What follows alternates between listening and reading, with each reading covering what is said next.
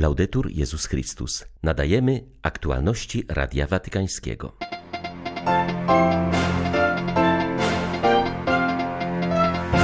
O potrzebie integracji migrantów przypomniał papież na audiencji dla uczestników konferencji o migracji i edukacji.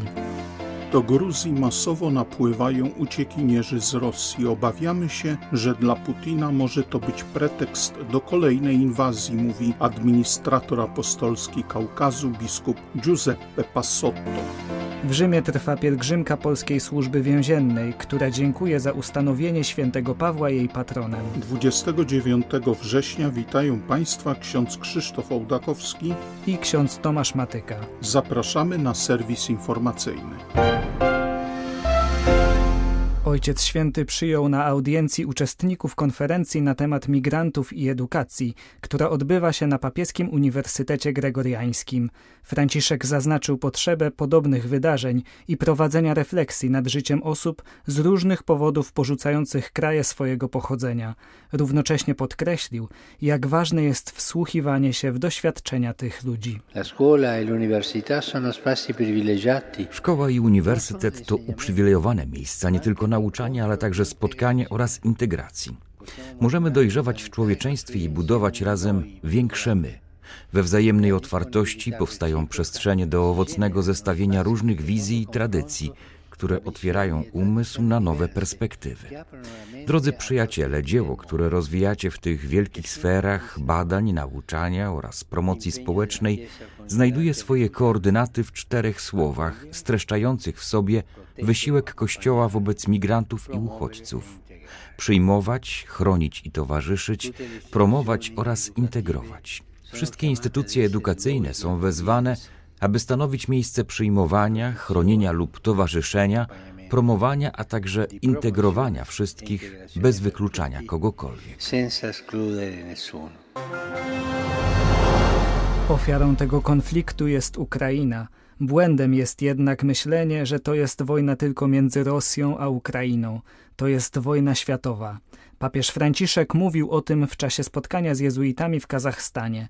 Pełen zapis rozmowy opublikował właśnie jezuicki periodyk La Civiltà Cattolica, którego redaktor naczelny uczestniczył w tym wydarzeniu. Ojciec Święty spotkał się z dziewiętnastoma zakonnikami pracującymi w tak zwanym regionie rosyjskim Towarzystwa Jezusowego, który obejmuje Rosję, Białoruś i Kirgistan. Nic więc dziwnego, że pytali go o obecną sytuację geopolityczną w regionie. Franciszek wskazał, że błędem jest myślenie, że to jest wojna tylko między Rosją a Ukrainą. To jest jest wojna światowa. Wskazał, że ofiarą konfliktu jest Ukraina, a u jego korzeni leży imperialne myślenie Rosji, którego świat nie rozumie. Zastanawiając się, dlaczego nie udało się uniknąć tej wojny, wskazał na chęć sprzedaży i testowania broni. Mówiąc o toczącej się III wojnie światowej, wskazał, że trzeba uwalniać serca od nienawiści. Przypomniał, że na wojnie zawsze najbardziej cierpią zwykli ludzie i to oni płacą za szaleństwa wojny własnym życiem życiem. Franciszek wskazał, że kilkukrotnie wysłał na Ukrainę swoich przedstawicieli. Dodał, że sam też planował się wybrać. Wydaje mi się, że nie jest wolą Bożą, abym się tam udał w tym momencie. Zobaczymy jednak później, powiedział papież. Ujawnił, że wśród różnych wysłanników ukraińskich, których przyjął w Watykanie, był innymi wojskowy odpowiedzialny za wymianę więźniów. Przekazali mi listę ponad 300 więźniów, poprosili mnie o zrobienie czegoś w celu doprowadzenia doprowadzenia do wymiany jeńców. Natychmiast zadzwoniłem do rosyjskiego ambasadora, aby dowiedzieć się, czy można coś zrobić i czy można przyspieszyć tę wymianę, mówił Franciszek.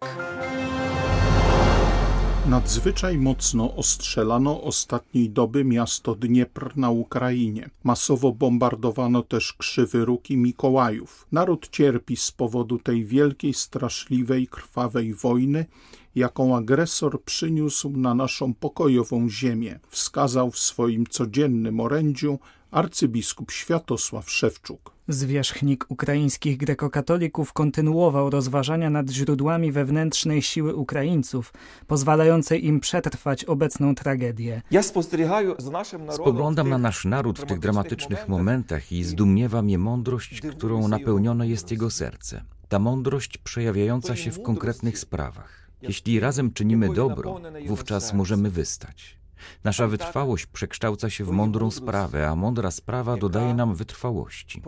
Dlatego Ukraińcy są dzisiaj nie do złamania, ponieważ mają świadomość, że stają w obronie prawdy, swojego prawa do wolności, że ofiarowują siebie na rzecz pokoju i dobra. Chcę teraz serdecznie podziękować wszystkim tym, którzy nieustannie angażują się w dobre i mądre sprawy, okazując w taki sposób swoje szczere serce. Gdziekolwiek byście nie żyli, na Ukrainie czy w różnych krajach świata. Ten, kto dzisiaj jest napełniony siłą Bożej mądrości w swoim sercu, odczuwa, że powinien stać po stronie Ukrainy, tej Ukrainy, która cierpi tej Ukrainy, gdzie przelewa się dziecięca krew. Dzisiaj dowiedzieliśmy się, że na dany moment na Ukrainie oficjalnie ustalono śmierć 396 dzieci. Dziecięcą krwią, krwią niewinnych, najbardziej są skropione obwody Doniecki, Charkowski, Kijowski. Bądźmy napełnieni tą dobrą sprawą chronienia pokoju i dobra razem. Pamiętajmy, że nie tylko dobre hasła i idee, ale dobre, mądre sprawy zmieniają świat na lepsze. Na kraще. Po ogłoszonej przez Kreml mobilizacji granica z Gruzją przeżywa prawdziwe oblężenie. Budzi to wśród Gruzinów poważne obawy. Ludzie zaczynają się bać, że wzrost liczby ludności rosyjskiej może skłonić Putina do uznania tego regionu również za część terytorium Rosji, mówi urzędujący w Tbilisi administrator apostolski Kaukazu biskup Giuseppe Hierarcha opowiada, że wczoraj na granicy była 16-kilometrowa kolejka, a hotele są pełne Rosjan. Szacuje się, że w ostatnich dniach do Gruzji wjechało prawie 80 tysięcy Rosjan, a teraz napływ przybrał na sile i dziennie wjeżdża 10 tysięcy obywateli rosyjskich. Wśród nich są i ci, którzy już wcześniej osiedlili się w tym kraju i przenieśli tam swoje firmy. Od lat nie słyszeliśmy w Gruzji tak dużo języka rosyjskiego, mówi biskup Pazotto. Podkreśla, że na napływający Rosjanie są dużo lepiej sytuowani od Gruzinów, co wykorzystuje rynek. Wzrosły m.in. ceny najmu domów. Hierarcha wskazuje na rosnące obawy wśród Gruzinów, że Putin zechce zaanektować także ich ojczyznę. Administrator apostolski Kaukazu przypomina, że Gruzja stała się gościnnym domem dla wielu Ukraińców uciekających przed wojną. Kościół otoczył ich opieką i cały czas wspiera. Część osób wróciła, ale jest wielu, którzy zdecydowali zdecydowali się zostać na stałe, mówi biskup Pazotto. Wskazuje, że do Gruzji przybędzie wkrótce figura Matki Bożej Fatimskiej, przy której trwać będzie modlitwa o pokój i pojednanie. Dzisiaj rano delegacja Polskiej Służby Więziennej modliła się przy grobie świętego Jana Pawła II, a wczoraj została przyjęta na audiencji przez papieża Franciszka. Ta istniejąca od ponad stu lat formacja przybyła, aby podziękować za ustanowienie jej patronem świętego Pawła Apostoła. Dyrektor Generalnej Służby Więziennej, generał Jacek Kitliński, zwraca uwagę, że jest to niewidoczna, ale bardzo potrzebna posługa, aby pomóc zmienić się na lepsze prawie 75 tysiącom osadzonych, którzy zbłądzili i dokonali przestępstw. Szef Służby Więziennej przypomina, że już w 2018 roku zwróciła się ona do Stolicy Apostolskiej o przyznanie patronatu świętego Pawła. Warto wierzyć w człowieka i w jego przemianę. I nasza taka praca i misja, więc zastanowiliśmy się kto. I święty Paweł, jego życie, jego działalność, no chyba nikt inny bardziej nie mógłby być naszym przewodnikiem duchowym. Bo przecież i był z tej strony krat, i z drugiej strony krat, i się zaparł, ale koniec końców wybrał to, co każdy czuje w sercu powinien wybrać: prawdę, wiarę i Boga.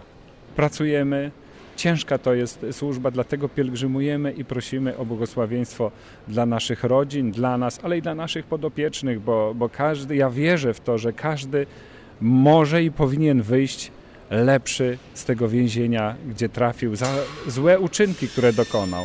Ale któż, jak nie najwyższy, mówił, że nie ma takiego, kto niewinny, niech pierwszy rzuci kamień.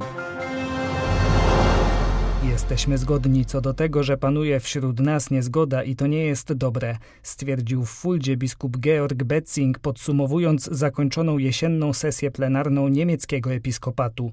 Zdaniem jego przewodniczącego biskupi odzwierciedlają społeczeństwo, w którym także nie wszyscy ze wszystkim się zgadzają. Podsumowując czterodniową sesję plenarną, przewodniczący niemieckiego episkopatu nie krył, że wśród biskupów aktualnie jest duży podział. Wynika on z rozwoju tzw. Tak drogi synodalnej, podczas której pod głosowanie przygotowano szereg dokumentów zrywających z dotychczasową nauką Kościoła. Wszystko wskazuje na to, że biskupi chcą zaczekać do najbliższej wizyty ad limina. Zdaniem biskupa Betzinga papież Franciszek powinien bezpośrednio usłyszeć o treściach drogi synodalnej, bo wyobrażenie papieża o drodze synodalnej nie jest kongruentne z tym, czym faktycznie ona jest. Przewodniczący niemieckiego episkopatu przyznał też, że relatorami przygotowującymi to spotkanie z papieżem są zarówno liberalni, jak i konserwatywni biskupi, którzy mają pełne prawo przedstawiać własny punkt widzenia. Ostrym i stanowczym tonem biskup Betzing skrytykował ostatnią wypowiedź kardynała Kurta Kocha.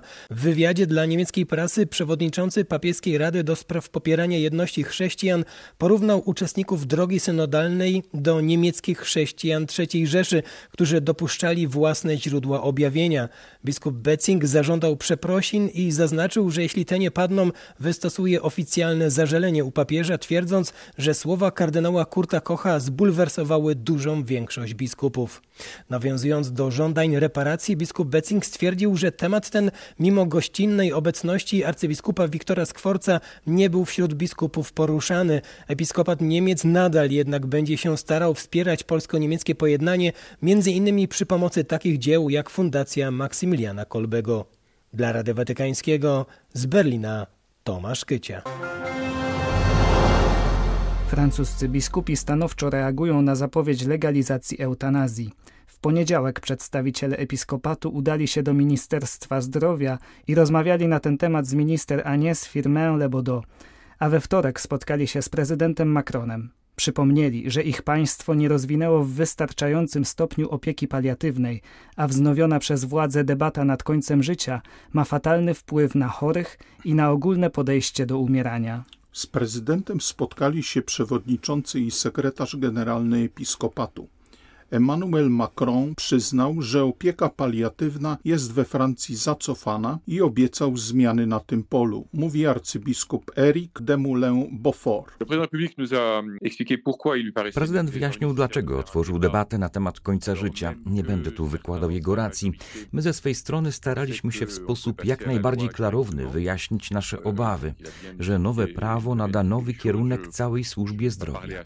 Zamiast zapewnić tych, którzy są chorzy i starzeją, się, że zrobimy wszystko, co w naszej mocy, aby im towarzyszyć aż do końca, mówimy, że przynajmniej niektórzy mogliby dokonać innego wyboru. I to niewątpliwie zasiewa niepokój w owych ludziach oraz wzmaga presję społeczną na chorujących zbyt długo czy zbyt ciężko, dając im do zrozumienia, że mogliby odejść i przestać być dla nas ciężarem. Odnoszę wrażenie, że od kilku lat, kiedy jest mowa o końcu życia, nieustannie mówi się o czymś przerażającym, jakby śmierć zawsze musiała dotyczyć sytuacji nadmiernego cierpienia albo stanu nieprzytomności. Tymczasem trzeba na nowo oswoić się ze śmiercią, z tym, że będziemy musieli umrzeć i że w umieraniu można sobie towarzyszyć. To oczywiście zadanie, które wykracza poza kompetencje państwa i wymaga nawrócenia od każdego z nas. Trzeba byśmy w rodzinach, w kręgu przyjaciół, pozostali świadomi, że przyjdzie nam towarzyszyć innym w umieraniu, w agonii, która jest czymś ludzkim. A chrześcijaństwo ma wielką tradycję towarzyszenia w umieraniu i to należy dziś rozwijać. Były to aktualności Radia Watykańskiego. Laudetur Jezus Chrystus.